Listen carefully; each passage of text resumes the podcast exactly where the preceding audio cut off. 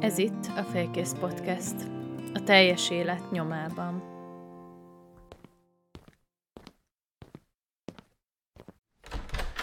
Sziasztok! Üdvözlök mindenkit a Félkész Podcasten. Itt vagyok Judittal. Szia Judit! Sziasztok!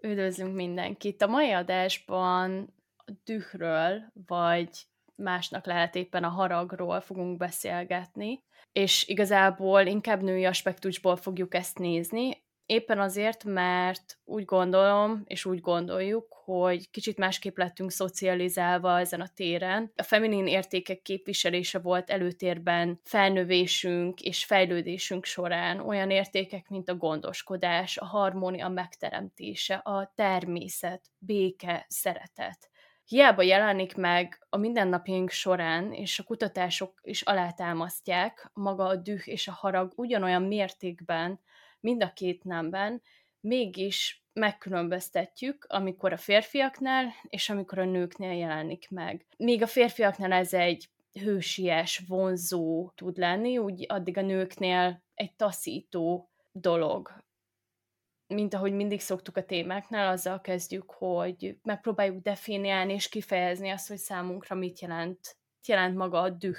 Meg is kezdeném ezt a beszélgetést.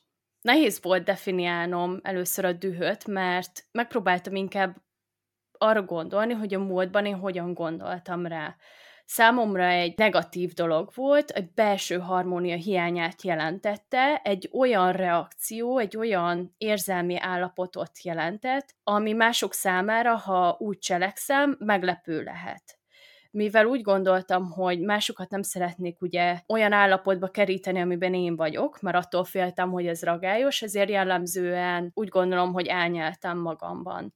Judit, te hogy gondolkodtál régen a dühről?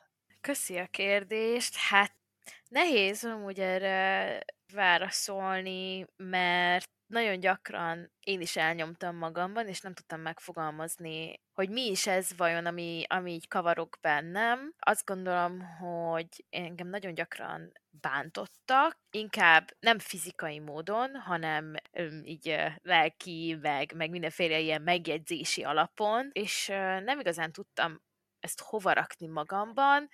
Nem voltam dühös, hanem rögtön szomorúvá váltam, és nem tudtam mit kezdeni az érzéssel. Tehát, hogyha én talán, hogyha még dühös is voltam, abszolút nem tudtam kifejezni ezt, vagy nem, nem volt terem kifejezni ezt, nem, nem volt, aki ezt így megérteni, nem volt, aki, aki elmagyarázza nekem, hogy mi is zajlik le bennem. Szóval egy, ez egy nagyon egy ilyen homályos topik volt nálam, egy homályos téma érzelmi szinten, és ez is egy olyan dolog, amivel nem olyan rég kezdtem el úgy mélyebben foglalkozni, és valóban meg megérteni, és most, hogy így följött köztünk ez a, ez a podcast topik, és megbeszéltük, hogy fogunk erről beszélni, akkor ezután ugye elkezdtünk felépíteni egy ilyen tudáshalmazt, tudjunk miről, miről beszélni egymással, és jobban megértsük ezt a jelenséget, és hogy ez, ez vajon miért van így mind a kettőnkbe, úgy látszik, hogy nem tudunk kifejezni magunkat optimálisan erről a témáról, mert senki nem segített számunkra, szóval egy csomó minden most így úgy érzem, hogy, hogy helyreállt bennem, és megmagyarázódott. Így tudom leírni az én korábbi érzéseimet, szóval én nagyon úgy érzem, hogy valójában jelenleg teszem így helyre magamban, mert nagyon sok dű, gyülem lett fel bennem az alatt a 28-29 év alatt, míg mióta itt vagyok a, a világon, és sose foglalkoztam vele konstruktívan, nem reflektáltam rá, és most, most vagyok egy olyan helyzetben, hogy vannak körülöttem olyan nők, mint például te is, akikkel ezt a témát meg tudom beszélni, és tudják validálni a dühömet, és nem vagyok elveszve ebben a érzelemben. Említetted még az elején azt, hogy kevésbé voltál dühös, inkább azt érezted, hogy szomorú vagy, és most ébredtem arra rá, hogy ez a szomorúság, amikor régebben, amiket éreztem, az valójában egy elfolytott düh tudott lenni, azonban még nem, nem fogalmaztuk meg, hogy mi is valójában az a dű. És hogyha meg is megengeded nekem, akkor elmondanám azt a fajta definíciót, amit így az elmúlt hét alapján én így megfogalmaztam magamnak. Tehát számomra a dű, vagy a harag, ez egy olyan alapvető érzelem, ami arra szolgál, hogy megmutassa, hogy valaki átlépte a te határaidat, megbántott téged, akkor indul be egy ilyen testi felfokozott állapot, amikor te úgy észleled, hogy fenyegetve vagy, vagy igazságtalanság ér. Ez egy ilyen fokozott frusztráció, felmegy a szívverésed, feszült leszel, úgy érzed, fölrobbansz. Ennek nyilván vannak fokozatai, hogy mi hogyan érint téged, melyik szinten, melyik szintre visz, mekkora az intenzitása ennek a dűnek, és ez egy abszolút természetes, normális érzelmi reakció arra, hogy mi történik velünk így az életben. Köszi a definíciót. Talán még azt is hozzátenném, hogy tényleg egy olyan állapot, ami igazából serkent arra, hogy másképp viselkedj, vagy cselekedj, és ez egy igazságtalan érzetet is kelthet bárkiben. És ez egyébként szintén teljesen természetes. Miért? Azért, mert vannak értékeink, és hogyha ezek az értékeink a belsőnkben átlépik az általunk szabott határokat, akkor igen, abból egy haragos, dühös reakcióval reagálunk arra a helyzetre, arra az emberre, aki átlépte ezeket a határainkat. Tehát én még ezt tenném hozzá, amellett, hogy abszolút azt gondolom, hogy egy olyan állapot, ami ott van a mindennapjainkban. És hasznos. Igen. Azért is hasznos, mert ha belegondolunk, az az érzelem, ami cselekvésre ösztönöz. És egyébként a barátommal beszéltünk erről a témáról, mert ő említette, hogy egyébként a dühből nagyon sok innováció és startup készült, és hogy kézzel el a Discord amúgy azért született, mert a, akik gondolom gamerektől született, de a lényeg a történetnek az az, hogy nem volt olyan platform, ahol egy olyan környezetet vagy szobát tudtak maguknak kreálni ezek az emberek, ahol tudtak játszani, és mellette is kommunikálni egymással. És valamilyen szempontból ugye ez egy elégedetlenséget alakított ki ezekben az emberekben, és mit csináltak erre, akkor mi megcsináljuk a saját magunknak a saját dolgunkat, és úgy fogjuk hívni, hogy Discord. Az összes gamer kb. ezt használja jelenleg. De jó, ez tök inspiráló amúgy. Igen, és ez, ez egyfajta ilyen önérvényesítésre is bíztat, nem? Hogy van benned ez a frusztráció, és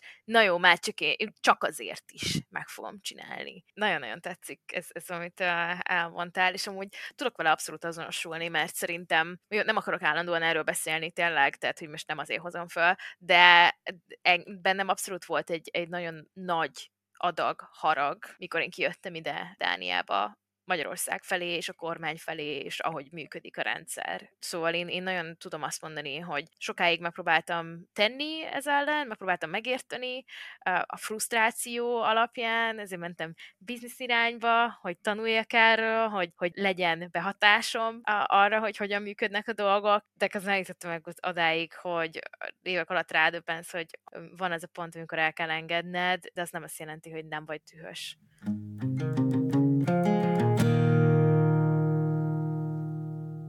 Nem akarsz ezzel, ezzel az állandóan dühös emberré válni. És azért én nagyon-nagyon éreztem, hogy pont amiatt, mert ugye nem tudtuk, hogy hogyan kell földolgozni a dühünket, hanem mert arra vagyunk kondicionálva és szocializálva, hogy elnyomjuk magunkban, ezért egyre inkább dühösebb és frusztráltabb voltam, viszont nem engedtem ezt átfolyni saját magamon, nem tudtam kiengedni magamból ezt az érzést, nem tudtam ezt kifejezni egy olyan módon, hogy ezt valaki meghallgassa, hogy én úgy érezzem, hogy ez validálva van, hanem rögtön szomorúvá váltam. Én azt tudnám mondani, igen. Tehát, hogy ez a, az, amiben sok, olyan sok nő is beleesik ebbe a jelenségbe, azért, mert a, a patriarchális társadalmunk nem engedi a nőknek, hogy megéljék, vagy kiéljék a dühüket.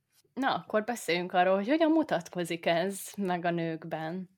Nekem például az lenne az egyik, hogy volt-e már olyan helyzet, amikor egy konfliktusba keveredtél, belementél a vitába, de megtanultad azt is, hogy hát itt, itt, itt ezt nem érdemes folytatni, itt inkább lépjünk ki belőle, ő az az ember, akivel én nem akarok veszekedni.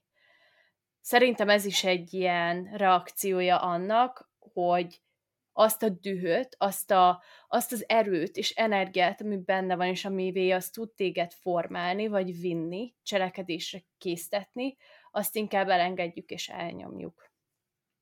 Szerintem ebben a példában, amit te felhoztál, ennek, ennek van két nagyon fontos aspektusa. Az egyik az, hogy kivel tudsz érde- érdemlegesen társalogni erről, és kinyitott arra, hogy ezt a fajta, ennek a fajta frusztrációnak teret adjon, és valóban tisztel annyira téged, hogy meghallgassa a te frusztrációdat, és elfogadja a te oldaladat. Ez az egyik oldala. A másik pedig azt gondolom, hogy van, hogy nem ér annyit az egész, hogy te azt mondod, hogy egy ilyen öngondoskodási szempontból, egy ilyen self-care szempontból azt mondod, hogy te ezt most elengeded, mert nem akarod magad egy ilyen felfogozott állapotba hozni, és mert ez úgyse fog változtatni semmin. Tehát van, hogy nem, nem kell minden csatát megvédni. Erre gondolok valójában.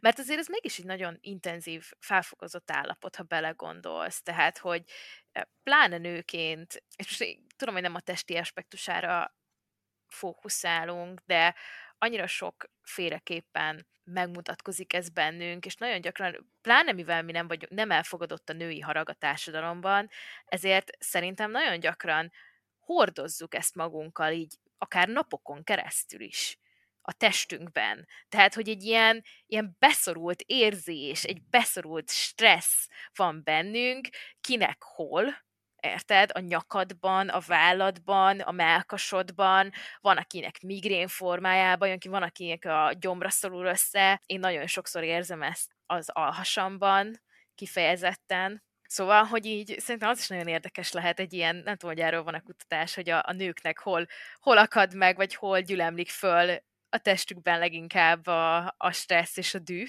De talán fókuszáljunk először az első aspektusra, amiről beszéltünk, ez a mennyire van ö, megengedve nekünk, hogy dühösek legyünk, pláne, hogy hogy ez még, még publikusan, publikusan is vajon megvan -e ez engedve nekünk, nem hogy ö, szemtől szemben, akár mondjuk egy párkapcsolatban, vagy egymás között nőként.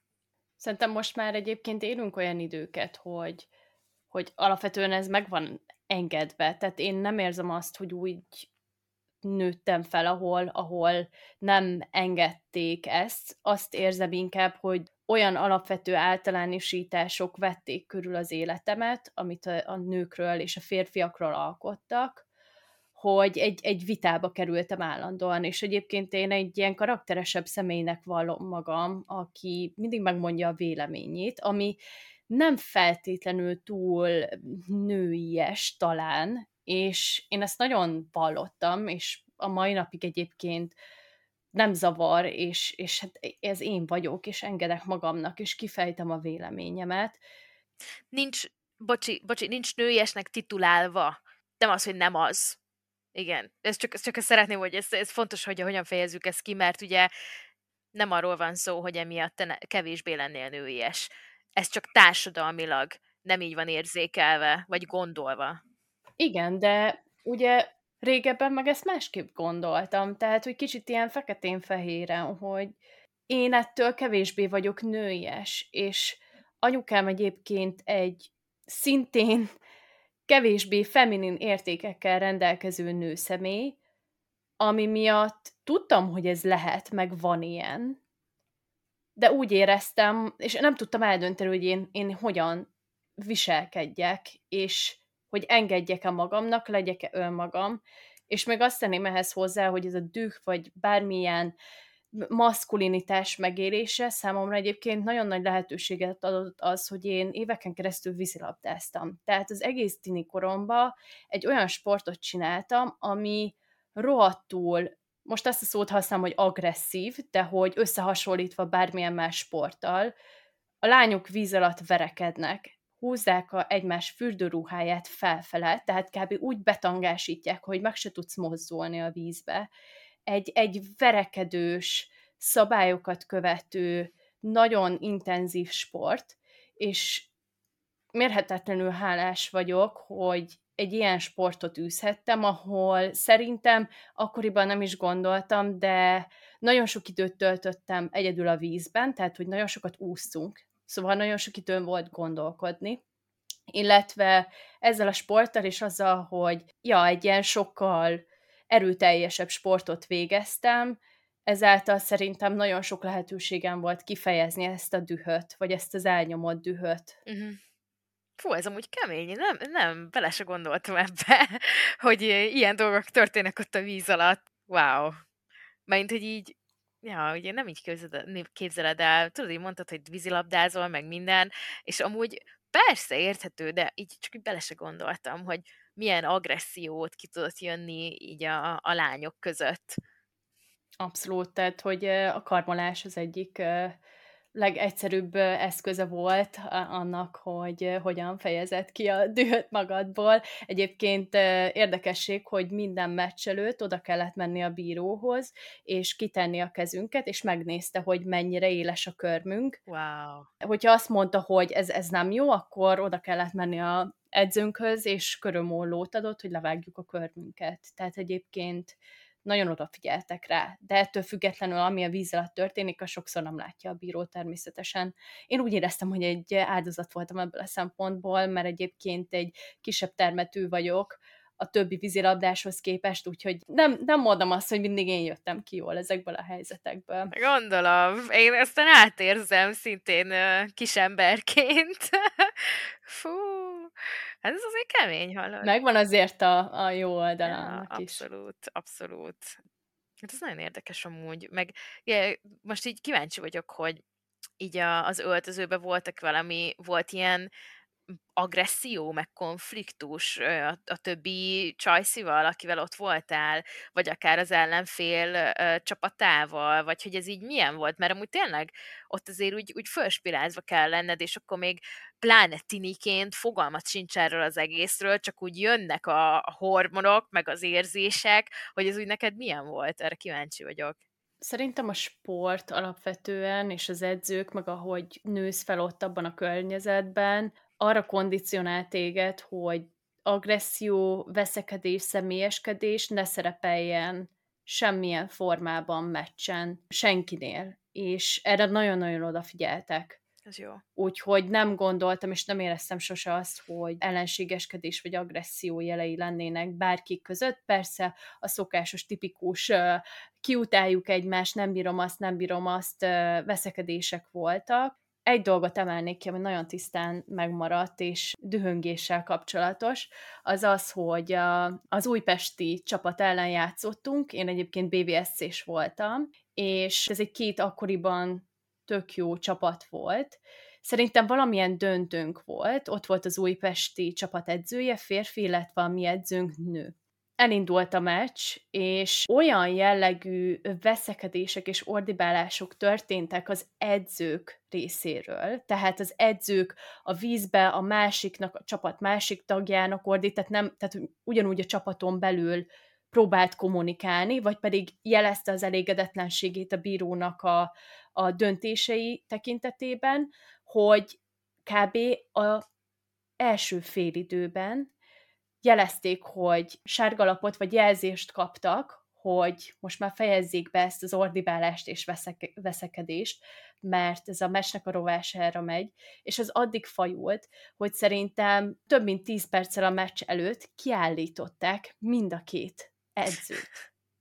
És wow. úgy játszottunk végig egy meccset, hogy a két edző, az én női edzőm dühöngött, őrjöngött, a másik is, és ugyanúgy mutatkozott meg bennük a düh. Baromi érdekes volt most így visszagondolni erre. Uh-huh. És úgy játszottuk végig ezt az egész meccset, hogy most akkor mi történik? Tehát ott van ez a kicsit ez a mentor szereplő, aki egyszerűen nem mondhat már semmit, úgyhogy most bízzatok magatokban és a csapatban, és figyeljetek a csapatkapitányra. Tehát ez volt az első talán olyan élmény, amit feljegyeztem, hogy na, ekkor láttam igazán dühösnek egy nőt. Oh, wow. És egyébként nem ítéltem el. Ez tök jó viszont, hogy nem ítélted el. És amúgy ez most csak így ilyen zárójeleképpen, milyen volt a, milyen volt a meccs a ti oldalatokról? Tehát hogy sikerült? Hát, Szerintem veszítettünk, de meg kéne kérdeznem a barátnőmet Mónit, szerintem lehet, hogy ő emlékezne rá. Azt gondolom, hogy edző nélkül, pláne fiatalon teljes káosz uralkodik ilyenkor az életedben, mert, mert én, én őszinte leszek, nem biztos, hogy tudtam, hogy hogyan kezeljem a helyzetet. Mm. Jelenlegi fejjel valószínűleg másképp kezeltem volna. Persze, persze, azért. Sok év eltelt azóta. Igen, kb. tíz. Igen, wow. Fura ezt kimondani, nem? Igen. Na, ez tök érdekes amúgy. Visszatérve arra, hogy ugyanazt a dühöt láttad a nőkben és a férfiakban, ezt amúgy több tanulmány is leírja, illetve több kutatás is és cikk is megfogalmazza, hogy alapvetően a női és férfi harag között nincs különbség. Az, hogy ki hogyan érzi. Mert ugye gyakran erről van szó, hogy társadalmilag úgy vagyunk szocializálva, ugye, hogy a nő, nőként neked gondoskodóbbnak kell lenni, alkalmazkodóbbnak, passzívnak, és el kell folytanod a haragodat, mert a nő az nem lehet dühös, a dő az nem nőies. Egyébként Judit, nem tudom, észrevette, de így abszolút egy ilyen nyájas hangnembe mondod ezt, a nő nem lehet dühös. Ne, nem véletlenül. Nem véletlenül. Te azért ismered az én fölfokozott állapotomat, és szerintem el fogunk odáig jutni ebben a podcastben, amikor az ki fog jönni. Nem vagyunk olyan messze amúgy. Tehát, hogy azt mondom, hogy gyakran azokat a nőket, akik kimerték fejezni, és kimerik fejezni a mai nap is a dühüket, rossz szemmel nézik. Mind nők, mind férfiak, mert társadalmilag ez nem volt elfogadva. Illetve a mai napig még mindig ez a jaj, hát nyugodjál meg, jaj, um, túl gondolod, meg... meg túl, igen, az. Oh, biztos csak azért, mert, mert megjött, tudod, vagy meg, meg, meg fog jönni, tudod. Fú, ezek a kommentek, hogy ez, ez még, ez kinek segített úgy őszintén. Tehát szerintem ez most bárki, pláne férfiak, de nők is, de bárki, aki ezt hallgatja, ezeket a kommenteket, ezeket nagyon gyorsan engedjük el. Mert ez nem segít. Ettől csak dühösebbek leszünk. Kérlek, validáld ezt számomra. Amúgy úgy érzem, ez egy mintázat számodra, hogy szükséges a validáció, én pedig még hozzátenném, mert beszéltünk erről, hogy szerintem a dűbben és ennek a kifejezésében is, hogy, hogy igenis én ezt érzem, nem kell validáció, de egyébként validálom most jelenleg, amit mondtál, hogy nem biztos, hogy így kéne erről gondolkodni. Tehát hányszor volt az, amikor azt mondta valaki egy beszélgetésben, nő, hogy nem akarok picsaként hangzani, de nem akarok, tudod, kurvásan kinézni, és, és hogy ezek a mondatok szerintem utalnak arra is, hogy egy elítélendő dolog, nem akarok agresszív mhm. lenni, mm-hmm. Igen. de mégis kimondod a véleményed. Elvehetjük a mondatból azt, hogy nem akarok így hangzani mert ki fogod mondani. Szerintem még azt is érdemes, hogy ebből, amit elmondtál, megfigyelni, meg ha csak az angol nyelvre is gondolunk, hogy hogyan beszélünk ez idézőjelbe problémás, dühös emberekről, és leginkább nőkről, az, hogy nagyon sok derogáló szó és bántó szó nőkre van kitalálva, vagy női alapú. Tehát gendered, ezt mondjuk, ugye? Hogy ha belegondolsz, előbb, amit mondtál, picsa, kurva, Érted? Amikor beszélsz uh, angolul is ezekről a dolgokról, ha gyáva vagy, akkor azt mondják, hogy you're a pussy. Punci vagy, ezt magyarul is mondják, érted? And ez miért van így? Amikor azt mondják, amikor te dühös vagy, akkor azt mondják rád, hogy drama queen vagy.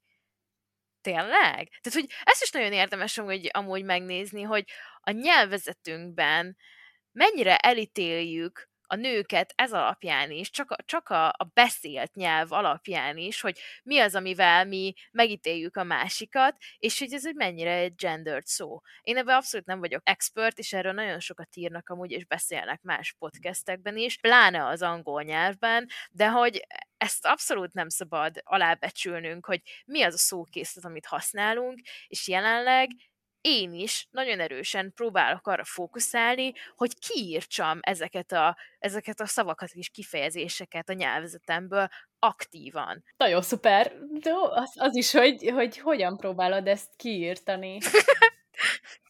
ja, ja. És úgy nem, nem könnyű, de, de ez egy új, új utakat vág elém, vagy helyez elém, új kihívásokat tudod, és, és remélhetőleg még finomabban tudom majd magam kifejezni, pláne mikor dühös leszek. Választékos magyar nyelv, ugye? Talán a, még az asszertivitás, az az, ami segíthet egy választékos módon megfogalmazni a véleményedet. Nem mindig sikerül az adott Abszolút. pillanatban. Hát igen, igen, ez, ez egy olyan dolog, hogy ugye amikor nem vagy megtanítva arra, hogy uh, hogyan kezeld hogyan érez át és kezeld a te dühödet, akkor nehéz ugye asszertívnak lenni.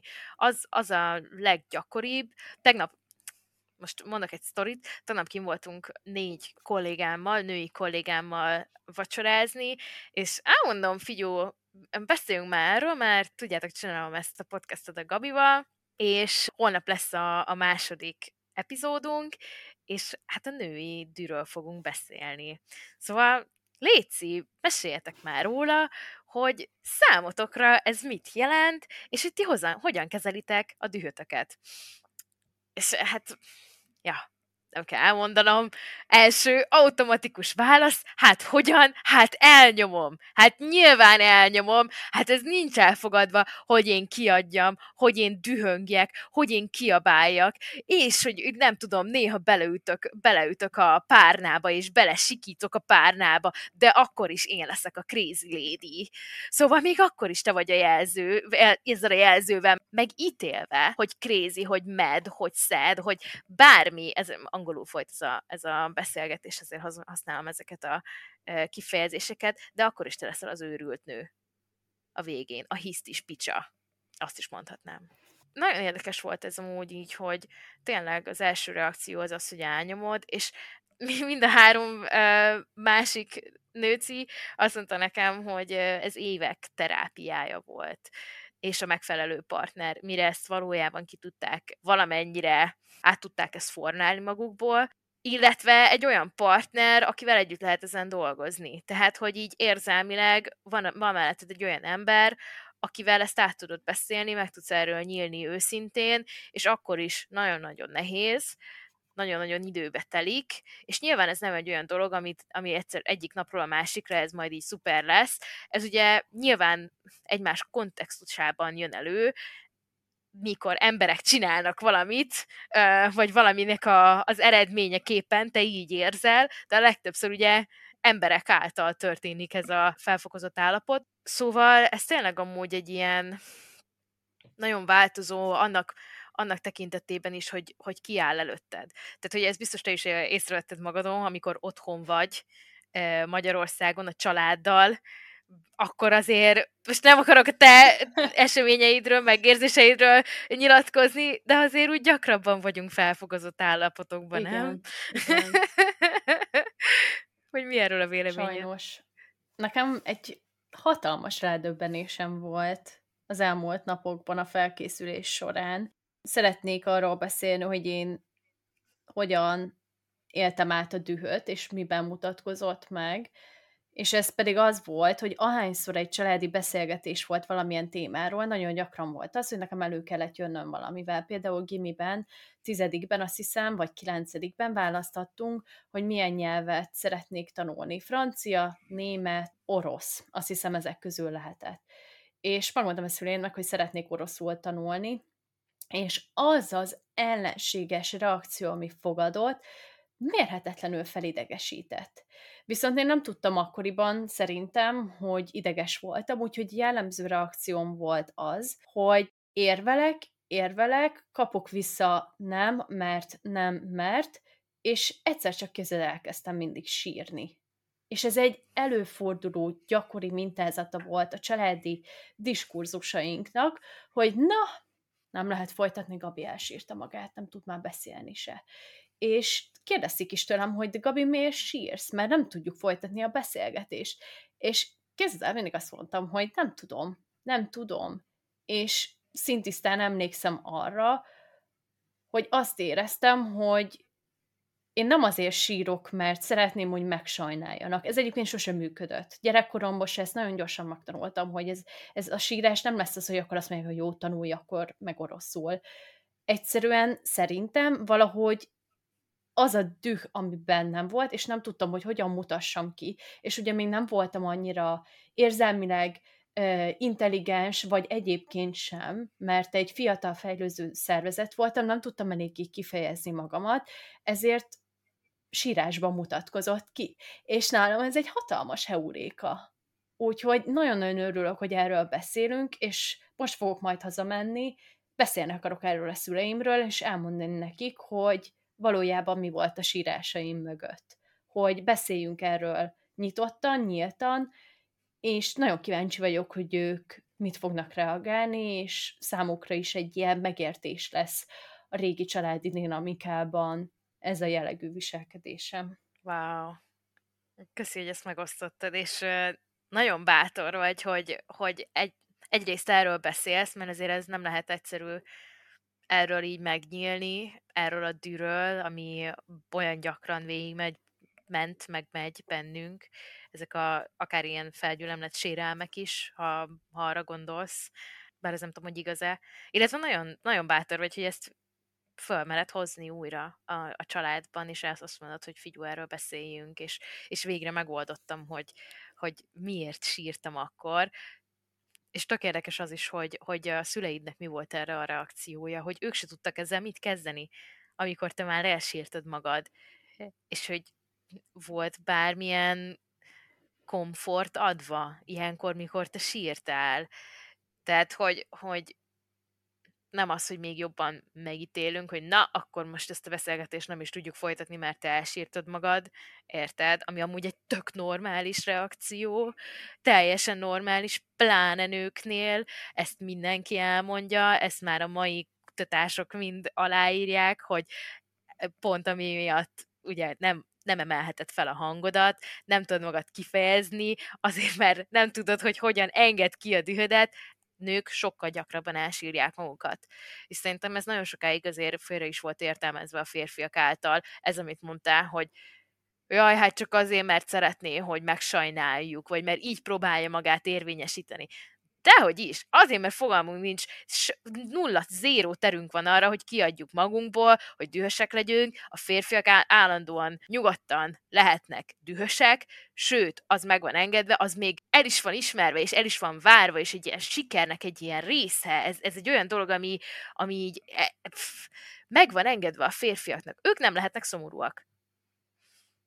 Igen. Mi nem lehetünk dühösek, ők nem lehetnek szomorúak. Szóval, ja, nem, az a lényeg, hogy nagyon, nagyon fölnézek rád, és, és, és nagyon szuper, és majd mesélj róla, Köszönöm. kérlek, hogy milyen volt. Egyébként a környezet meg volt teremtve abból a szempontból, hogy most visszagondoltam, sose álltak fel az asztaltól, és nem sétáltak el, amikor elkezdtem sírni. Tehát ugye egy nagyon támogató környezetem volt, hogy ott maradtak, és nem, nem kaptam olyan jellegű támogatást, mint mondjuk amire vágytam volna, tehát most én inkább az érintés, kicsit ez a babusgatás, gondoskodás része az nagyon elmaradt a neveltetésemből, úgy érzem, viszont abszolút támogató környezetet kreáltak, vagy, vagy, vagy nagyon aktívan figyeltek rám, és ott maradtak én döntöttem el, hogy mikor lesz vége ennek a beszélgetésnek, általában pedig a menekülés, tehát ez a flight reakcióm volt, uh-huh. és általában egyébként nekem nagyon jellemző ez a, ugye a flight repülés,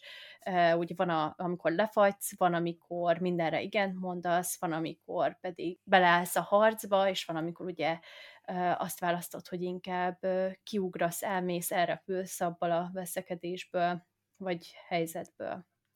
Még térjünk arra vissza, hogy akkor hogyan mutatkozik meg bennünk, hogyha elnyomjuk. Ahogy ez a mindennapjainkban megjelenik, azt szerintem úgy lehet a legjobban észrevenni, amikor olyan nőkkel találkozunk, most nem azt mondom, hogy egyikünk se volt soha ilyen, de hogy például valaki nagyon kompenzálja a dühöt, a haragot, ami benne van mosolyjal, tehát tudjátok, extrém kedves, nagyon sokat mosolyog, de mögötte valójában forrong, hogyha ismered ezt a szemét, akkor általában egyébként ez elég gyorsan észrevehető.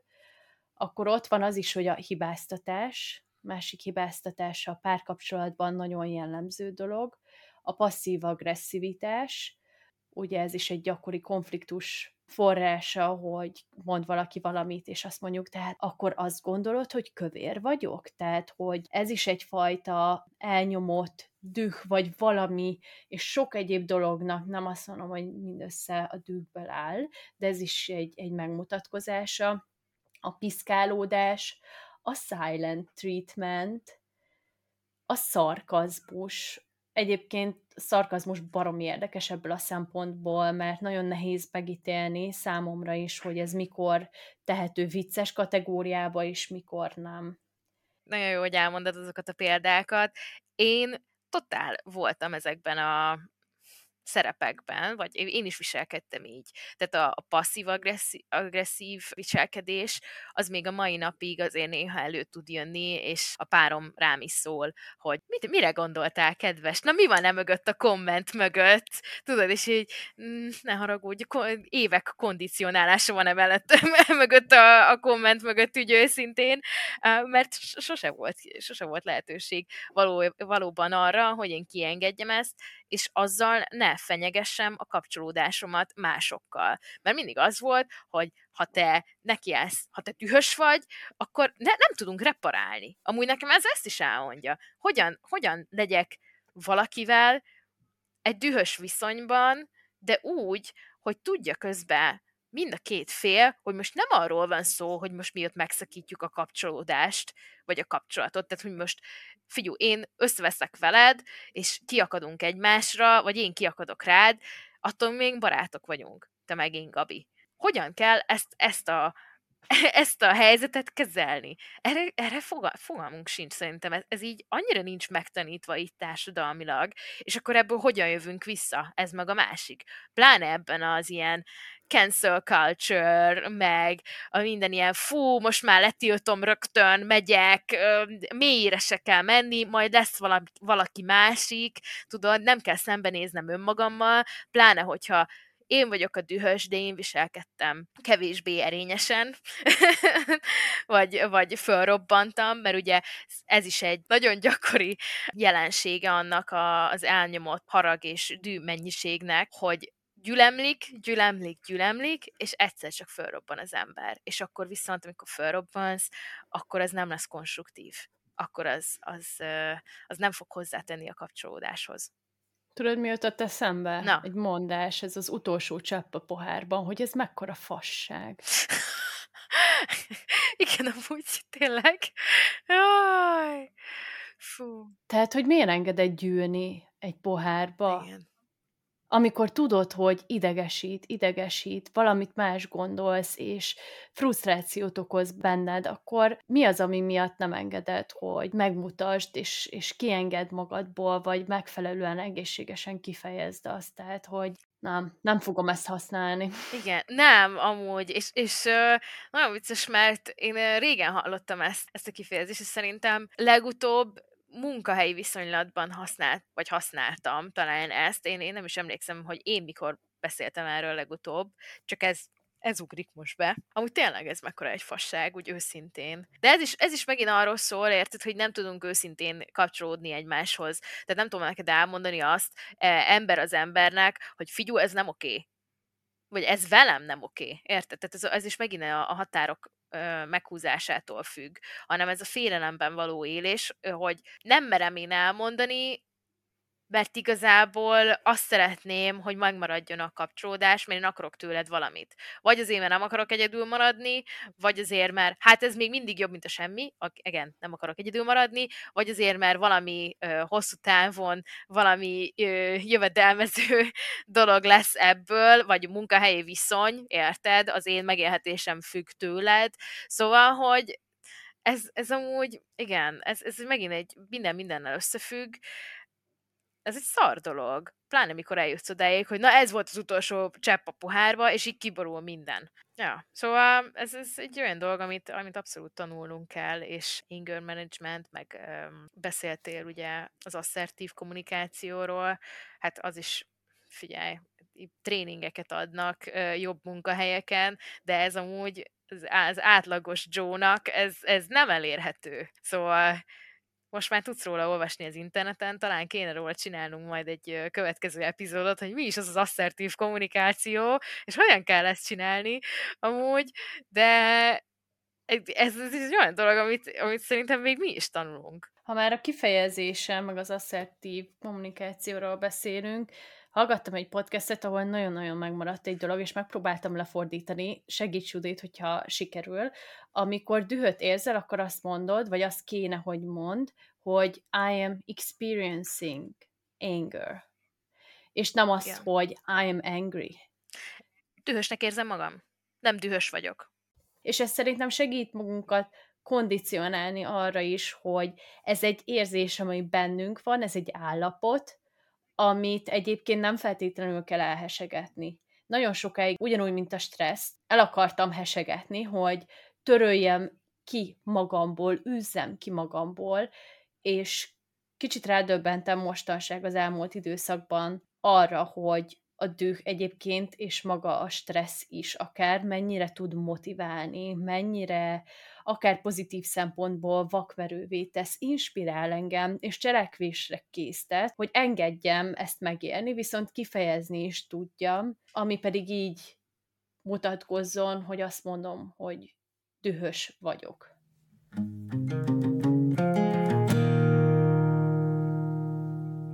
Szeretném felhozni a nemi sztereotípiákat, és a nemi aspektusát magának ugye a dühnek, Igazából, ja, nem tudom, van-e valami olyan nemi sztereotípia, Judit, ami számodra elgondolkodtató, vagy olvastál róla?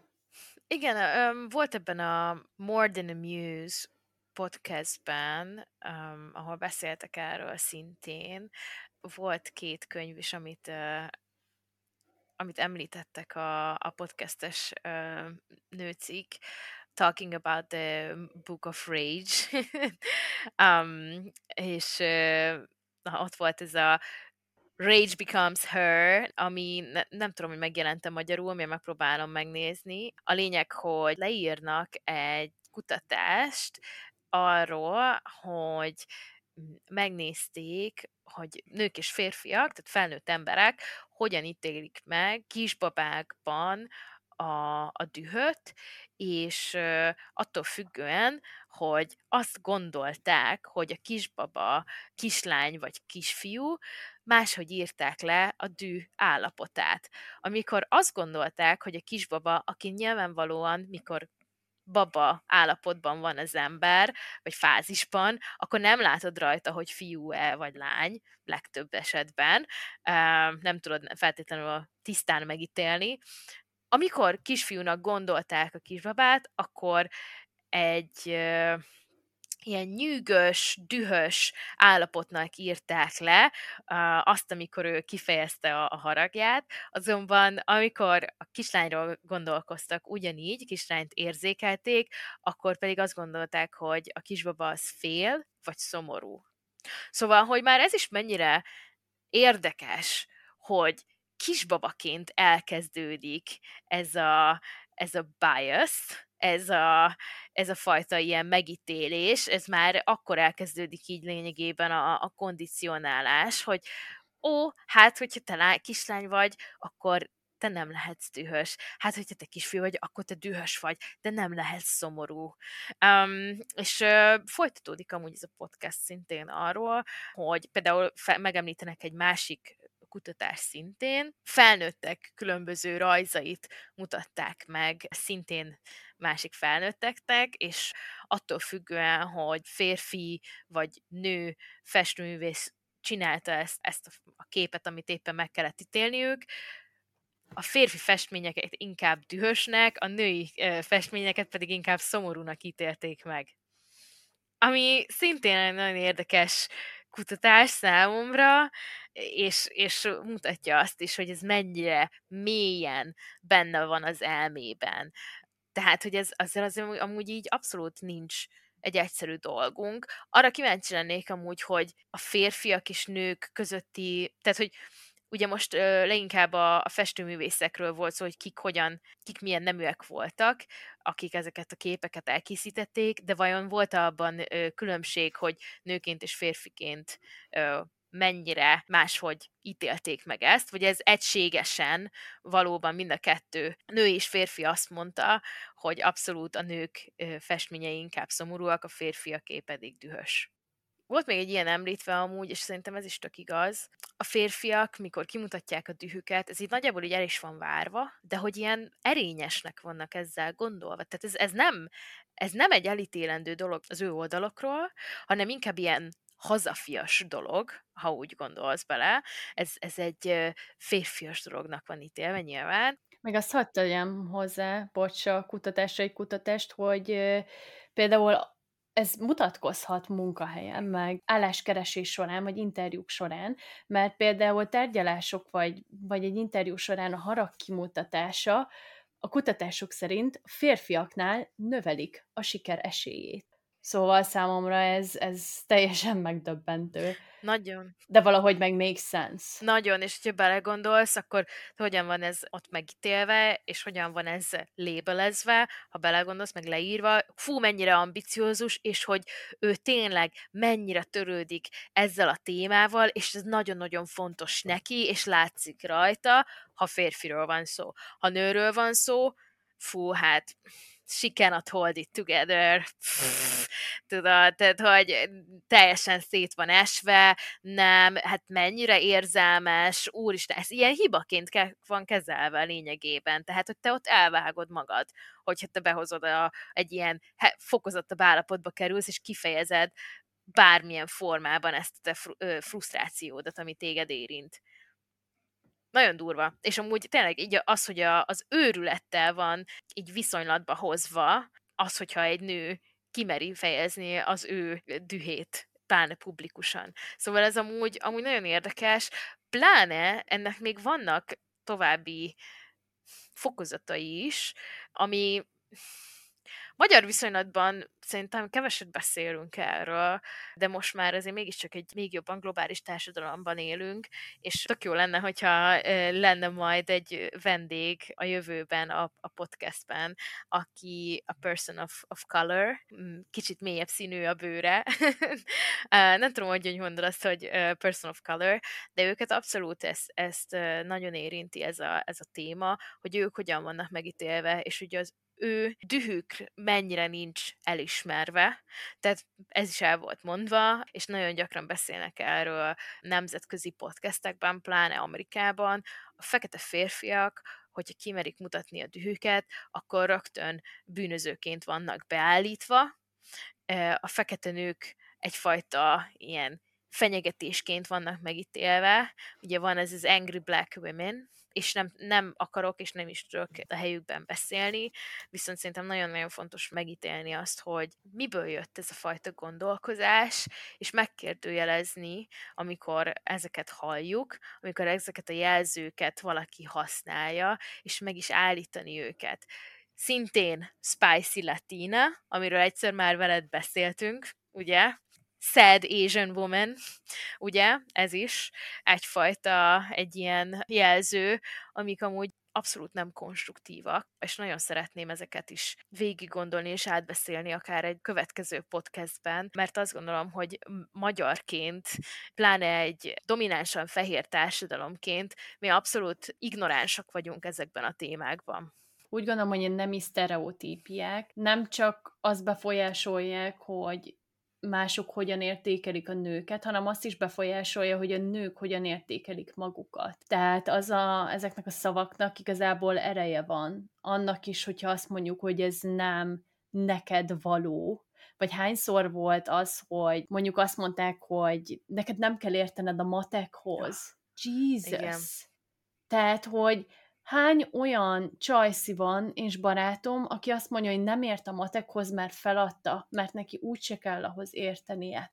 És ez még jobban érinti. Tehát az előző kommentemet csak annyit akartam elmondani, hogy nőként abszolút nincs terünk és helyünk kiadni ezt a fajta dühöt, és hogyha egy marginalizált társadalom része vagy társaság része vagy, akkor még inkább fokozottabban érint téged ez a téma. Tehát, hogy még jobban ki vagy téve az összes fajta veszélyének, ennek a jelenségnek, mind szociálisan, mind mentális és fizikai egészség szempontjából.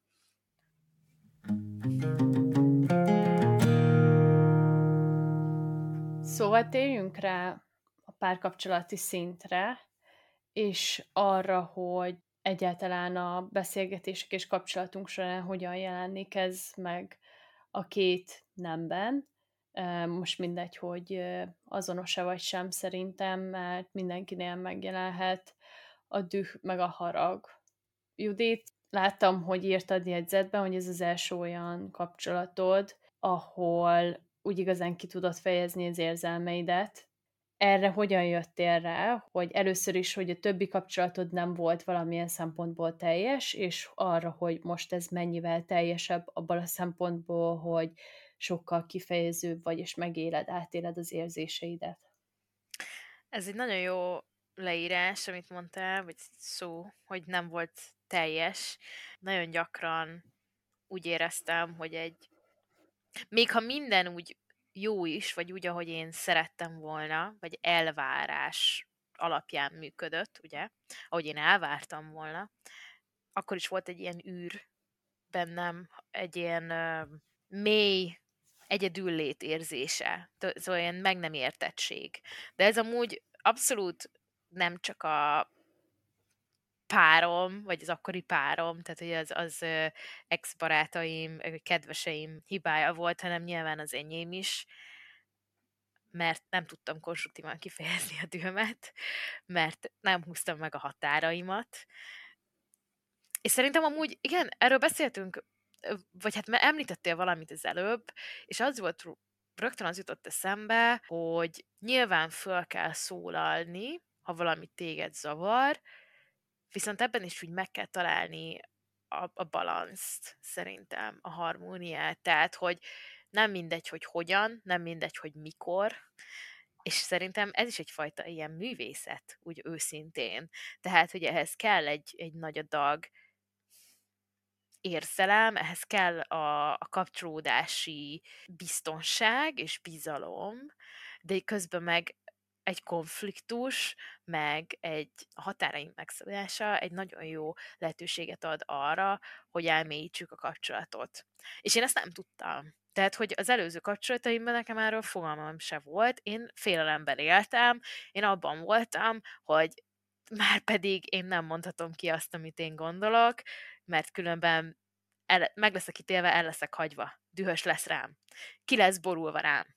És nyilván, mint ahogy előbb is említettük, a férfiak haragja jobban el van fogadva, mint a nőké. Szóval nőként nem mert fölemelni a hangodat. Nőként don't you dare to lose it. Érted? Szóval akkor mi más lehetőséged van arra, úgy őszintén, mint hogy ilyen magadba folytod, a barátaidnak kiadod a feszültségedet, és elégedetlen vagy, és csalódott vagy, rögtön csalódott vagy, és ez számomra egy nagyon, nagyon szignifikáns jelenség volt. Tehát, hogy bocsi, csalódottság azért, mert hogy a férfi cselekszik úgy, ahogy te nem vártad el, vagy csalódottság azért, mert te nem fejezheted ki az érzéseidet, amiért neked valamiért valahogyan viselkedned kell? Mindkettő, abszolút mindkettő, és már nem hoztam meg a határaimat. Tudod? És ami miatt, mert én nem tudtam ezt a belső frusztrációt vagy dühöt értelmezni, meg már nem is voltak a határaim meghúzva, ezért amikor a másik ezeket áthágta, akkor nyilván ő nem is tud erről, hogy ez nekem fontos, vagy hogy miért fontos, mert én sose beszéltem róla, érted? De én rögtön csalódott voltam. Szóval, hogy mivel egyikünk se ismerte az én dühömet, és én se tudtam, én se ismertem a saját dühömet, ezért, ezért egy folyamatos ilyen űr, meg egy ilyen, ilyen, ilyen távolság volt köztünk, ezt tudnám inkább így leírni. És ez most, amúgy a jelenlegi kapcsolatomban nem is tudom, hogy hogyan, szerintem én már annyira belefáradtam ebbe, őszintén. Tehát, hogy ez a fajta, a jelenlegi kapcsolatom is, ugye te tudod, hogy mi szétmentünk az én párommal egyszer, és ugyanezek miatt, mert ugyanebbe a, a mintázatban voltam, és beleragadtam, és nyilván ő is férfiként, ne, meg ne, ő se volt tudatos a saját maga dühéről, illetve nem tudta ő, ő se hova tenni, tehát ez abszolút megvolt ez a belefolytam az alkoholba az összes stresszemet, nálam pedig ez az automatikusan csalódott vagyok, és egyedül vagyok a kapcsolatban. Mintázat, ami ilyen nagyon szorosan egybe is vágott, és én annyira, annyira kimerültem ebben, annyira kimerültem abban, hogy nincs, nincs hangom. Hogy, hogy én ebben a kapcsolatban nem vagyok benne, úgy őszintén. Tehát, hogy nincs köztünk egy elmélyített kapcsolódás, egy, akár azt is tudom mondani, hogy egy, egy megértés. Én nem éreztem magam látva, de ez az én hibám is volt. És azáltal, hogy, hogy mi szétmentünk, és rájöttünk, hogy mi amúgy mennyire nagyon hiányzunk, és szeretjük amúgy egymást, csak nem jól kommunikálunk, és nem jól csináljuk, és az összes fajta kondicionált, meg mindenfajta traumánk kivetítődött egymásra, és észrevettük, hála az égnek, a saját magunk mintázatát, elkezdtünk ezen dolgozni és elkezdtünk felszólalni, és, és mai napig ezen dolgozunk. Ez nagyon-nagyon nehéz amúgy, mert mindenféle fizikai és inkább azt mondom, hogy érzelmi és fizikai nehézségek vannak ebben amúgy, tehát hogy mikor te egy ilyen érzékeny állapotba kerülsz, és amúgy neked ugye nem megszokott, hogy te felszólalsz, hogy te dühös vagy, vagy valami nem esik jól, konkrétan elkezdesz remegni. Konkrétan, konkrét, fizikálisan nem érzed magad jól, viszont át kell magad löknöd ezen a helyzeten. És valamilyen szinten volt egy ilyen áttörés a kapcsolatban, ahol végre megtanultunk együtt sírni, megtanultunk leülni egymással, és végighallgatni a másikat, és, és kifejezni, és teret engedni egymás dühének, és utána ha- hagyni, hogy az ember kidühöngje magát, én is, és ő is, és utána leülni, és megbeszélni a dolgokat konstruktívan, hogy jó, akkor most itt vagyok, figyelek, hogyan oldjuk ezt meg.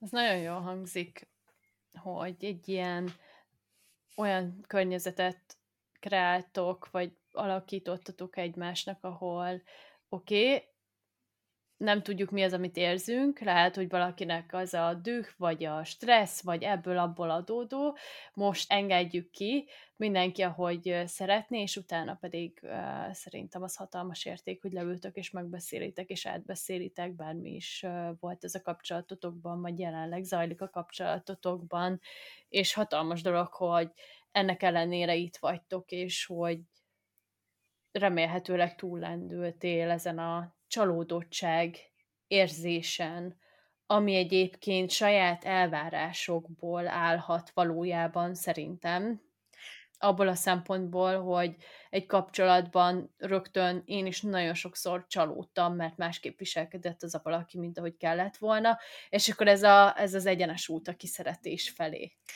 Igen, és szerintem ez egy ilyen, azon is alapszik, hogy egy csomó elvárás amúgy szükségleteken alapszik, amiket sosem mondtunk ki. Tehát hogy tudná a másik? Érted?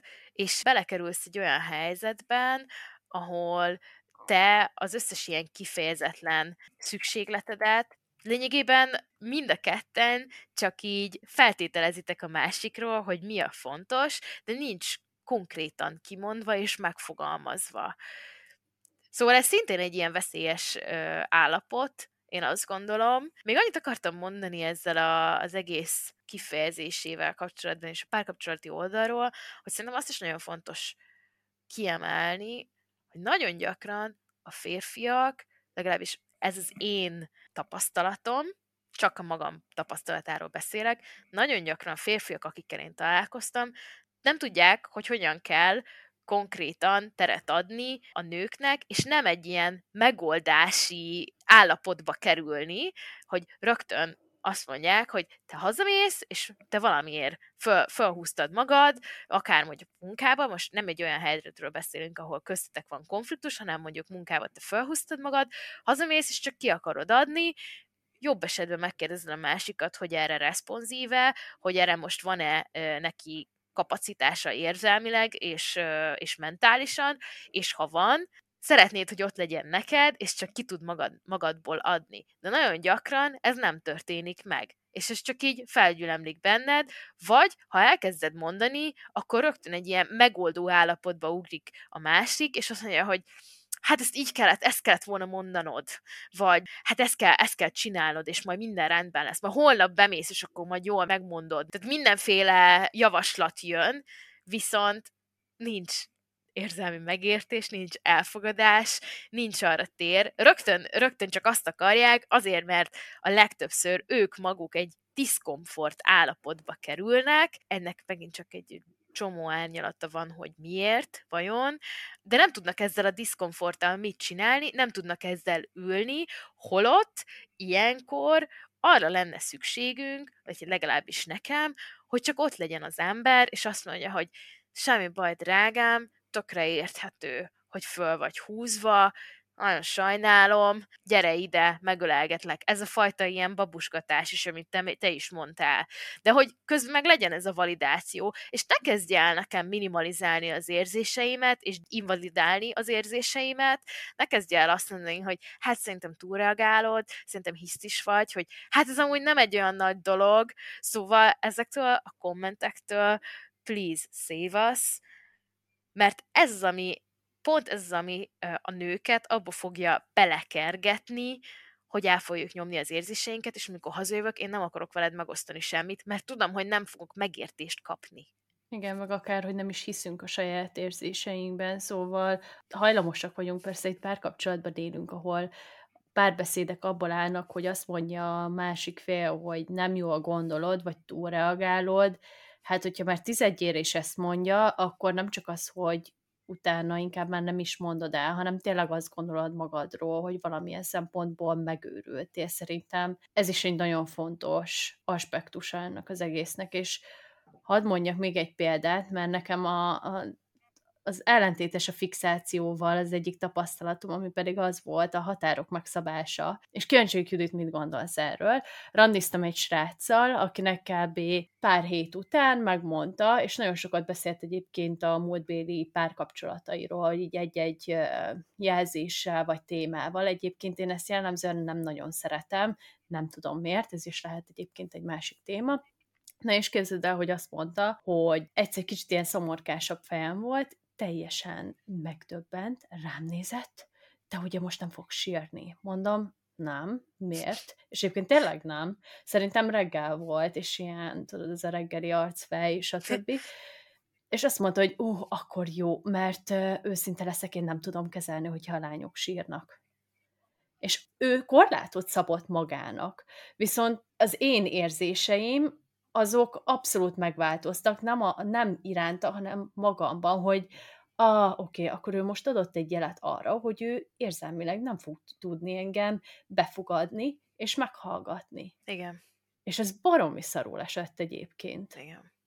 Gondolom. És így el is vág benned egy ilyen ö, lehetőséget már a, a a jövővel kapcsolatban is, hogy meg, meg így el is gondolkozz, hogy ez vajon meg fog, meg fog változni valaha? Érted? Tehát, hogy elveszi a lehetőséget, hogy te érzelmesen meg tud nyílni a másik felé. Igen, és utólag van egy-két dolog, uh, amit bánok ebben a kapcsolatban, ha kapcsolatnak is nevezhetnénk, ahol nem éltem ki a dühöngésemet, és nem mondtam el, mm, mit gondolok valójában. Uh-huh. Nagyon egy, szerintem egy szerepet játszottam ebben az egészben, ezt a vagány csajszit, szerintem, most így utólag visszagondolva. Szóval, hogy akkoriban nekem rövidebb hajam volt. És találkozgattunk, valamilyen haveroknak a kocsiába voltunk, és azt láttam, hogy a kocsinak a hátuljába középen, ahova ketten lányok beültünk, ott volt egy csomag hajgumi, meg egy full új valamilyen no-name óvszer. És én rögtön kapcsoltam, hogy ez kb. nekem van kikészítve, az óvszerrel egyébként alapvetően nyilván semmilyen problémám nincsen, azon kívül, hogy what the fuck, tehát hogy így vannak jó bevált márkák is, de nem baj, de a hajgumi, az pedig azért volt, gondolom, mert szavaró lehetett, hogy szex közben én nem használtam hajgumit, tehát lehet, hogy a hajam zavarta, és ott ültem kusban, és semmit nem mondtam erre. És utána nem is kérdőjeleztem meg, hogy ez mi volt, hanem azonnal levágtam, ő pedig sosem mondta, hogy ez egy probléma lenne. Wow. Szóval itt nagyon-nagyon sok sebből vérzik a dolog, Igen. de az egy olyan olyan beszélgetés lett volna, amit úgy gondolom, hogy vagyunk néhányszor olyan szituációba, kapcsolatok, randizgatások, bármi ilyesmi terén, amikor azt érzed, hogy erre nincs meg a tér, hogy kifejez magad, hogy ez így nem éri meg.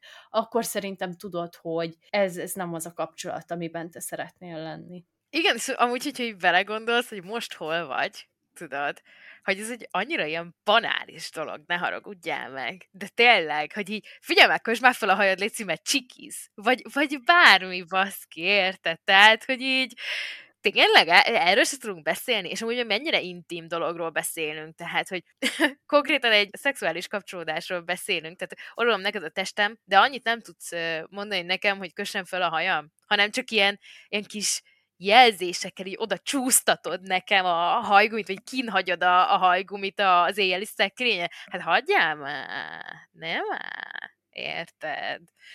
Igen, igen, ez valóban. Ez, ez nagyon jól uh, reprezentálja így ezt a, a feltételezések uh, sorozatait, hogy így mind a kettőtök, tudod, így rögtön így, na jó, hát akkor ezt így jelzésképpen kihagyom, mert nem tudok amúgy kommunikálni, de meg így, akkor ez most azt jelenti, wow, tudod, és így sose beszéltek róla, és szerintem ez nagyon-nagyon gyakori, amúgy eszméletlen gyakori. És miért? Tehát legyünk, legyünk explicitek erről, legyünk kifejezők, beszéljük meg, és sokkal könnyebb lesz az élet, és nem fogod magaddal hordozni ezt a fajta feszültséget folyamatosan, hogy úristen, most erre gondolt? Nekem nem kell kitalálnom azt, hogy te mire gondolsz nekem, mint Juditnak, az a felelősségem, hogy én elmondjam neked, hogy én ezt érzem, és ezt gondolom a megfelelő pillanatban.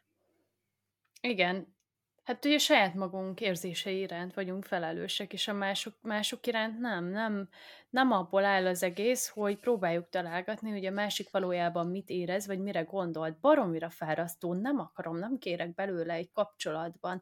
Én egy, én egy kifejező és szabad kapcsolatot kérek, ahol megmondjuk azt, hogy figyelj, levennéd az oknidat, mert zavar, vagy te, most a, a ágyi um, dolgokról beszélek, tehát most a szexről beszéltem, de hogy, hogy Igen. ha ez zavar, Igen. és elmondod, ja, és egyébként volt ilyen beszélgetésem srácokkal, a, a zokni fel vagy le lányokon, hogy nem értik, hogy miért van zokni a lányokon, miközben szexelnek. Szeretném minden srácnak jelezni, hogy azért, mert sokkal könnyebben és jobban és mélyebben lehet elérni az orgazmust. Pont. Ez amúgy nagyon vicces, hogy ezt mondod, mert amúgy nálunk, nálam, leginkább a férfiakon volt mindig mindig zokni. És én mondtam azt, hogy, hogy figyú, amúgy de, de miért? Igen, tehát annyira vicces, amikor ott áll előtted egy férfi, annyaszült mesztelenül, érted, gyönyörű, és rajta van a zokni. És én, és most tényleg, miért nem tudod levenni a zoknit? Vedd le a zoknit. De tényleg, de minden tiszta, minden rendben van, tehát hogy így nem fogsz belépni semmibe. Miért? És akkor de amúgy, ha jól esik, akkor persze, csináld, csak hogy így, de, tudod, így, így meg akartam nekik engedni, hogy amúgy nyugodtan vedd le az oknidat, semmi baj nem fog történni. De ez tökéletes, hogy nekednek pont az ellenkező élményeid vannak erről. De lehet, hogy akkor így az elején meg kell beszélni, hogy figyelj, most nekem nincs kedvem levenni az oknimat. Ez így okés neked? Én úgy elfogadom, figyelj, aki, aki szeretné így vagy úgy, én nagyon szívesen leveszem másikról az oknit, e, ezzel a legyen probléma, de ha te fenn akarod tartani, hát igazából az a legkevesebb, én azt mondom. Na, most nagyon szépen kitértünk a szexuális életre, ami szintén egy rohadt jó és fontos dolog, ami igazából egy kommunikáció szükségét is jelzi. Abszolút, abszolút.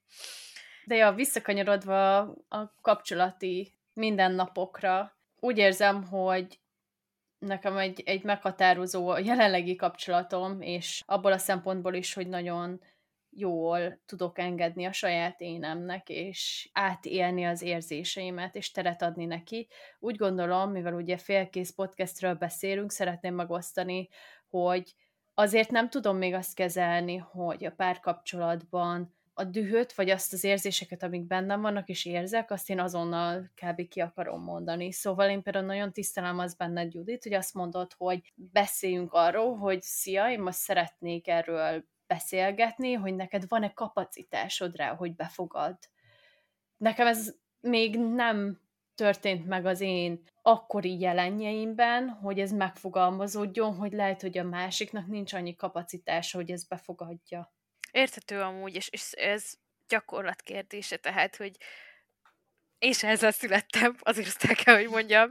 Tehát, és én is, én is gyakorlom ezt, és köszönöm, hogy, hogy ezt, ezt mondod. Nekem a jelenlegi partnerem amúgy ezt kifejezte korábban, hogy ő nagyon szeretné ott és azonnal megbeszélni a dolgokat, minden esetben, hogy legyünk túl rajta, és oldjuk meg. Én ezzel, nekem ezzel mindig az volt a problémám amúgy, hogy egyrészt ez, hogy van, hogy valamelyikünk nem elérhető érzelmileg, és egyszerűen nem fogunk egy mély, érzelmes és őszinte figyelemmel teli beszélgetésben részt venni. Másrészt meg nagyon gyakran jó azért, hogyha az ember időt ad magának, hogy meg tudja fogalmazni, hogy mi is, mi is a probléma, meg hogy mi zajlik le benne. Szóval amúgy én nagyon-nagyon hiszek abban, hogy timing matters, tehát hogy nagyon számít az, hogy mikor tálaljuk ezeket a dolgokat, nem csak a micsoda, hanem a hogyan és a mikor is nagyon-nagyon fontos. Tehát, hogy érezni kell azt, és egy a másik egy befogadó állapotban legyen. Mert van, hogyha én nem leszek befogadó állapotban, akkor vagy nem fog engem érdekelni, vagy rezisztens leszek. Vissza fogom utasítani a te valóságodat, ami nyilván egyikünk se akarja azt, mert nem konstruktív.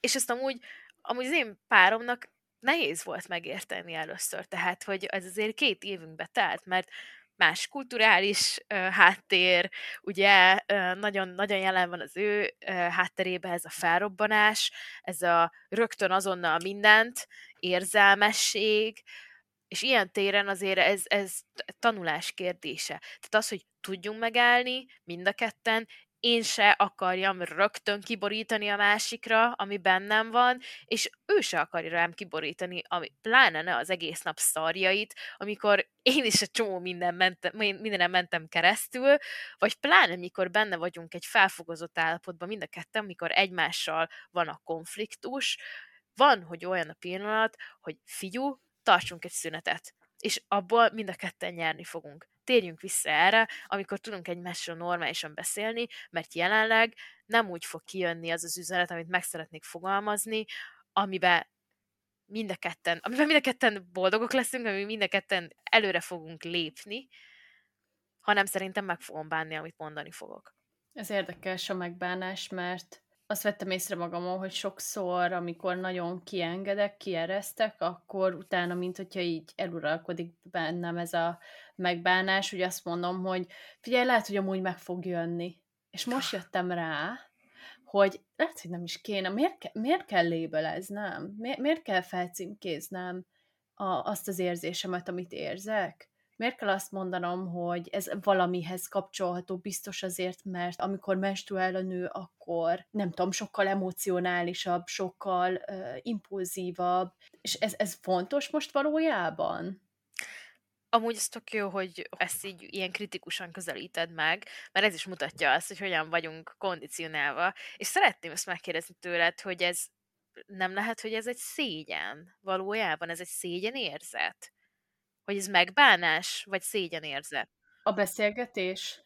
Tehát, hogyha így nagyon megnyílok? Igen, igen, hogy mondtad, hogy van benned egy ilyen megbánás, és akkor utána inkább megpróbálod ezt így hozzácsatolni a, uh, ahhoz, hogy á, biztos meg fog jönni, tudod így megmagyarázni valamivel, hogy miért nyíltál te most meg, és ezt akartam kérdezni, hogy, hogy ez, ez az érzés, ami benned zajlik, ez nem lehet, hogy így inkább egy szégyen. De kíváncsi vagyok, nem, nem mondom, hanem tényleg kérdezem. Hát őszintén szóval ebből ebben a, az esetben én, én nem tudom megkülönböztetni. Szóval én most a megbánás szót mondtam, mert úgy érzem, hogy akkor azt érzem. Igyekszem majd megfigyelni a következő ilyen esetnél, hogy szégyent érzek-e valójában, vagy sem. Jó, jó. Nem csak kíváncsi voltam, tudod, mert mert nagyon gyakran ugye nem engedjük meg magunknak, hogy, hogy érezzünk, és egy ilyen, ilyen szégyenérzés így átveszi az uralmat, mikor, mikor megnyílunk őszintén az érzéseinkről, mert nem vagyunk hozzászokva, tudod, és nem egy természetes állapot számunkra, ami szomorú ezt így kimondani amúgy. Igen.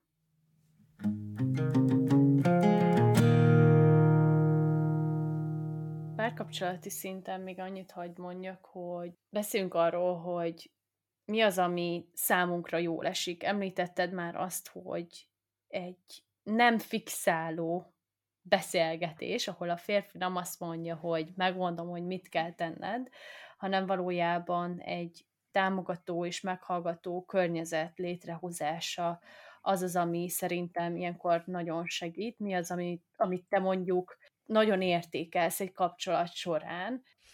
Hát én nagyon szeretem az olyan továbbá, én azt, azt mondanám, hogy ilyen kinyit, kinyitó kérdéseket, vagy, vagy mondatokat, mikor valaki azt mondja, hogy igen, nyitott arra, hogy beszéljünk egy topikról, egy témáról, vagy hogy kijöntsem a lelkem lényegében, akkor ha olyat mond nekem, hogy na gyere, meséld el, vagy na gyere, menjünk el valahova, együnk valamit, és közben ölts ki a lelked nekem, és ott van, és figyel, és amúgy nem is kell a legtöbbször mondani semmit, inkább az, hogy, hogy legyen ott a, a figyelem a másiknak a szemében, meg a jelenlétében. Ha megfogja a kezem, ha átölel, ha átérzi az én érzéseimet, vagy, vagy nem is az, hogy átérzi, de megérti.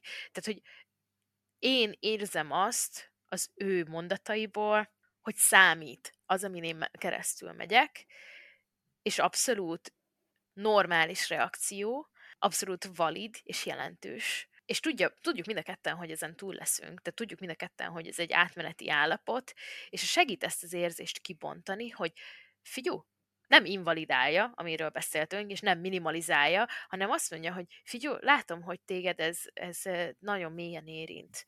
Mesélsz erről még egy kicsit, vagy elmondod, hogy miért? Vagy szerinted, szerinted mi az, ami benned ilyenkor lezajlik? Vagy, vagy miért triggerelődtél ennyire? Miért akadtál ki ezen ennyire? Tehát, hogy olyan kérdéseket feltenni, ami jobban mélyére visz ennek az érzésnek, hogy aztán el tud engedni.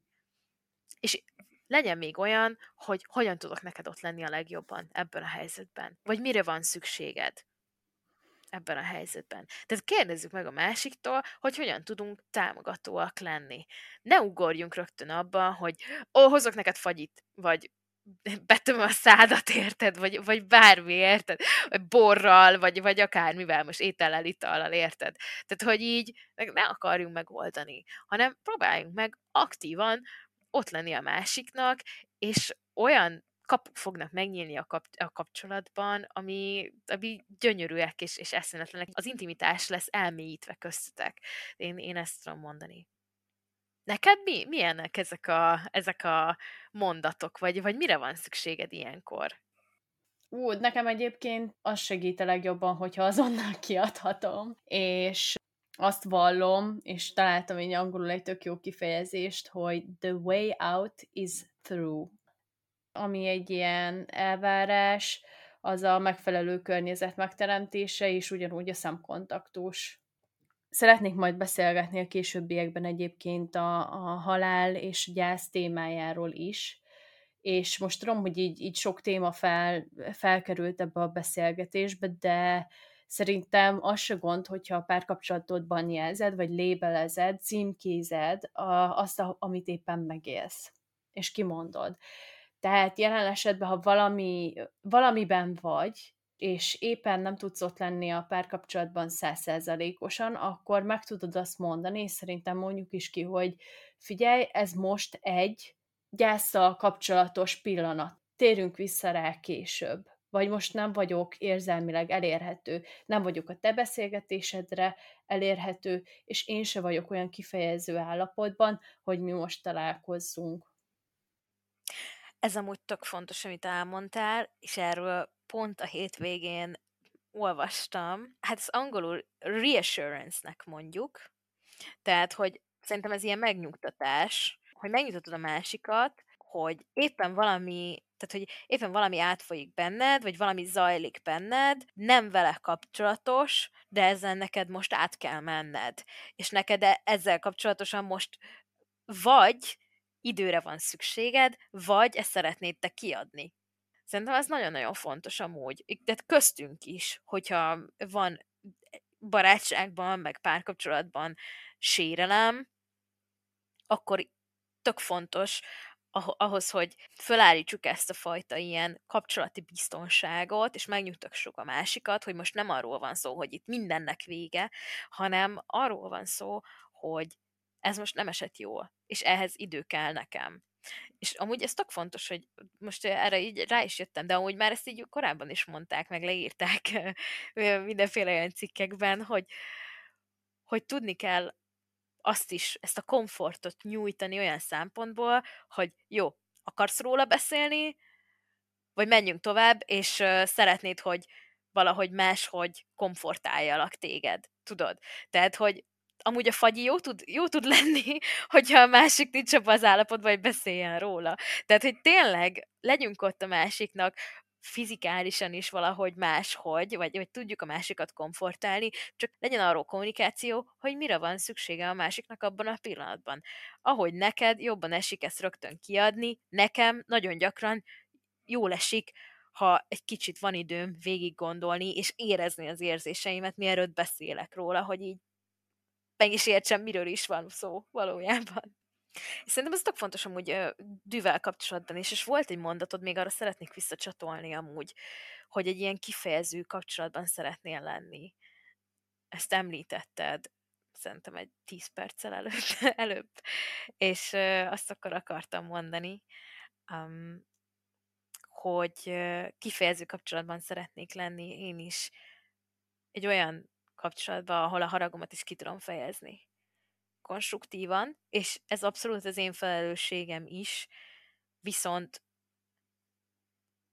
soha többé nem akarok egy olyan kapcsolatban lenni, ahol az én dühöm nincs elfogadva. Legyen az barátság, család vagy párkapcsolat.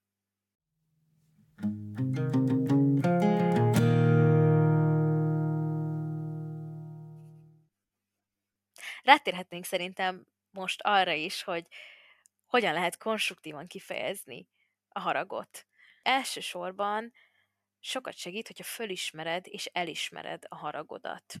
Tehát, hogy azzal kell kezdeni a folyamatot, hogy tudatosítod a haragodat, elfogadod annak a jelenlétét, felismered a fizikai és érzelmi jeleit, mint például a megnövekedett pulzusszámot, a feszültséget a testedben, vagy az, hogy ingerlékeny vagy. Következő az, hogy vársz egy kicsit, és lélegzel.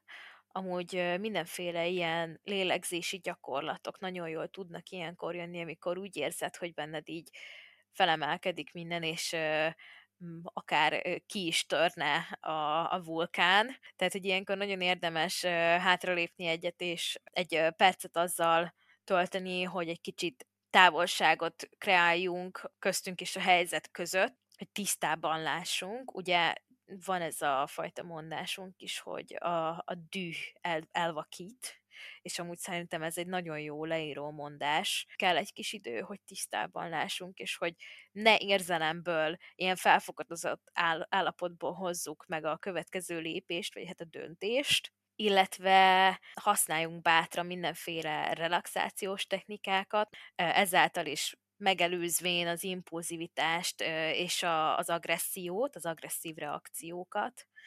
Majd fejezzük ki határozottan az érzéseinket, találjunk egy nyugodt és megfelelő időt arra, hogy, hogy ezt a haragot kifejezzük az érintett személy felé, és használjunk én kijelentéseket, fogalmazzuk meg, hogy miket éreztünk azokban a szituációkban, arra összpontosítsunk, hogy milyen, milyen hatással volt ránk az adott szituáció.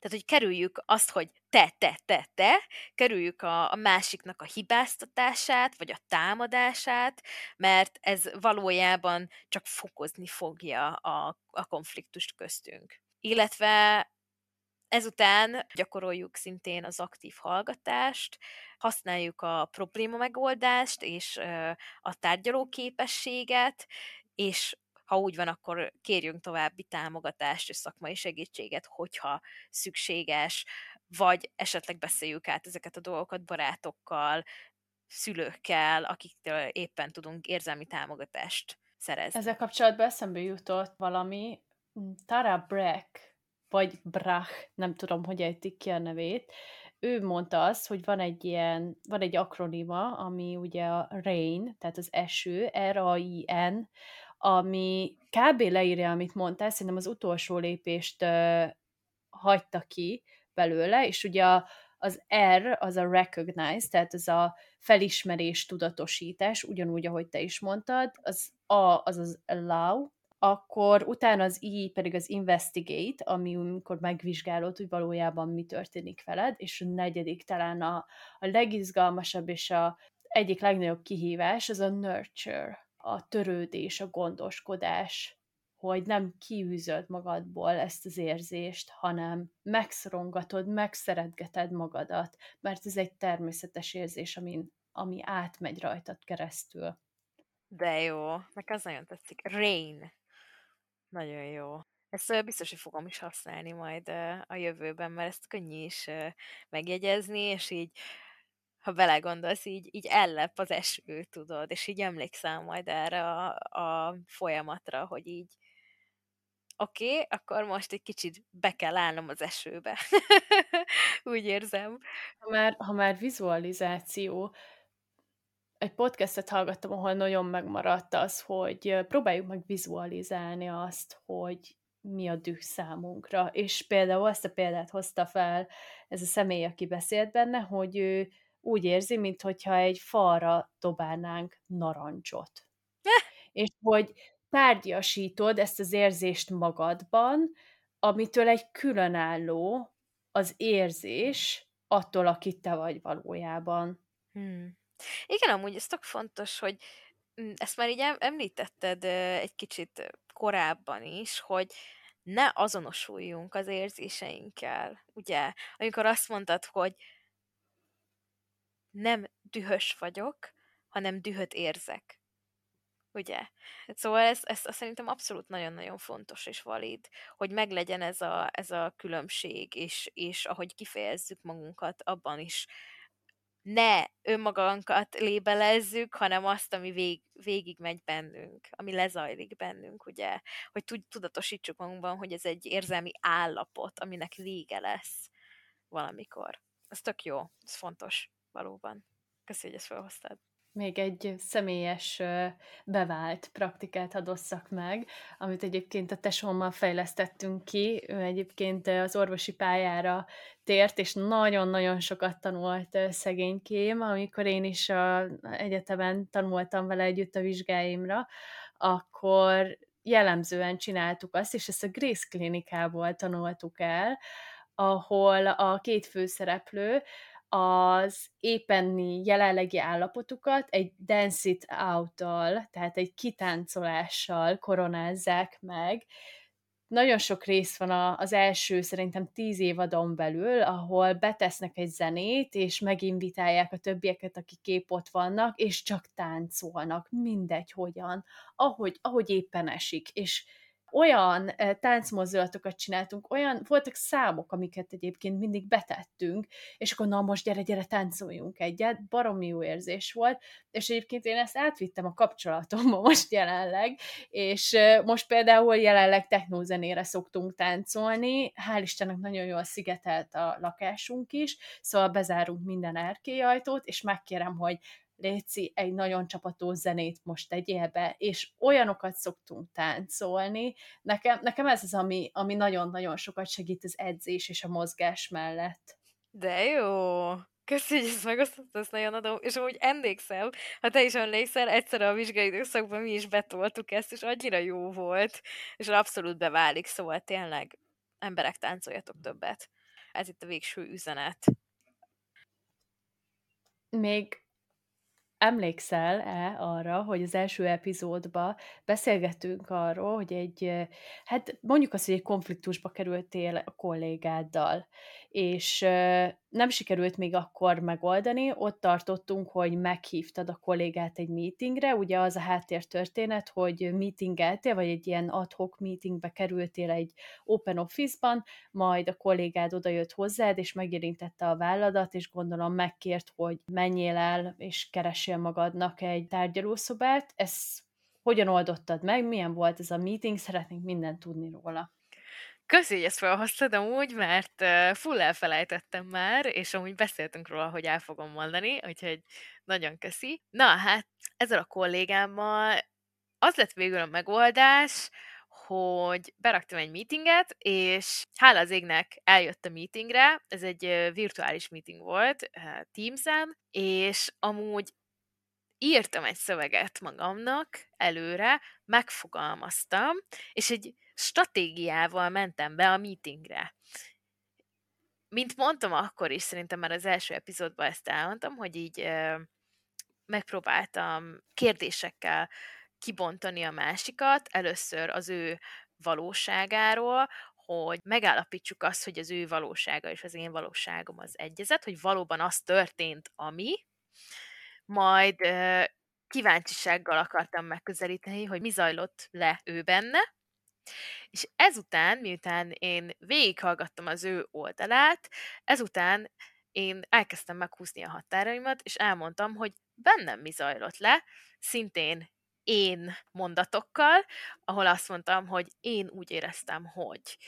Tehát elmondtam neki, hogy nekem baromira nem esett jól, hogy ő a szavamba vágott, miközben én valaki mással beszéltem, fülhallgatóval, ráadásul, illetve elmondtam, hogy nekem ezek a kimondatlan szabályok sose voltak kimondva, nyilván, ez sose volt még csak leírva se, elmagyarázva, ezért viselkedtem úgy, ahogy, illetve elmondtam neki, hogy számomra az abszolút egy elfogadhatatlan dolog, hogy ő engem munkahelyen az én konszenzusom, az én beleegyezésem nélkül megérint. Pláne, mikor nem ráfigyelek, hanem valaki másra. Hát ő meglepődött amúgy, nagyon meglepődött, így mondta, mikor már mondtam neki, hogy szerettem volna erről beszélni, erről a helyzetről, már rögtön az volt a reakció, hogy oh my god, really? Wow, tudod, és tehát, hogy ilyen, ilyen nagyon-nagyon meglepődött, hogy én felhoztam ezt a témát egyáltalán, és miután meghoztam a határémet, és elmondtam, és megkértem rögtön utána, hogy meghoztam a határaimat, megkértem arra, hogy ilyen ne forduljon elő a jövőben, teljesen nyugodtan, kedvesen, normális hangnemben, asszertívan megkértem erre, bocsánatot kért tőlem, azt mondta, hogy I'm sorry, I will pay attention, oda fogok figyelni, és nem fog ilyen előfordulni a jövőben. Úgyhogy azt kell, hogy mondjam, hogy nagyon sikeresen zajlott ez a meeting, és azóta megváltozott köztünk a hangnem, megváltozott köztünk az, hogy hogyan viselkedik velem a munkahelyen, látom, hogy máshogy néz rám, és jó értelemben. Tehát, hogy én úgy tapasztalom, én úgy érzékelem, hogy megnövekedett a tisztelete felém. Ezt gondolnám én is, hogy felnéznék arra a kollégára, aki egy ilyen beszélgetésbe belemegy, és elmondja, hogy mik a határai, és szeretné, hogy más megtudja, hogy az ő oldaláról ez hogyan zajlott le, én érzésekkel és én mondatokkal. Úgyhogy hát ez egy szuper sikertörténet. Ha érdekel titeket, hogy mi történt, akkor ajánlom az első epizód végighallgatását, mert itt Judit pontosabban nem, nem mondja nekünk, hogy mi történt. Kicsit fokozott hangnemben. Igen, ez már a lenyugodott Judit állapot. De mind a kettőnek van térít kibontakoznia, úgyhogy nagyon tényleg köszi szépen, hogy ezt megosztottad, és köszönjük szépen minden hallgatónak a figyelmét, jelentkezünk majd később, mi voltunk itt Gabi és Judit, és ez pedig a Félkész Podcast. Sziasztok! Sziasztok!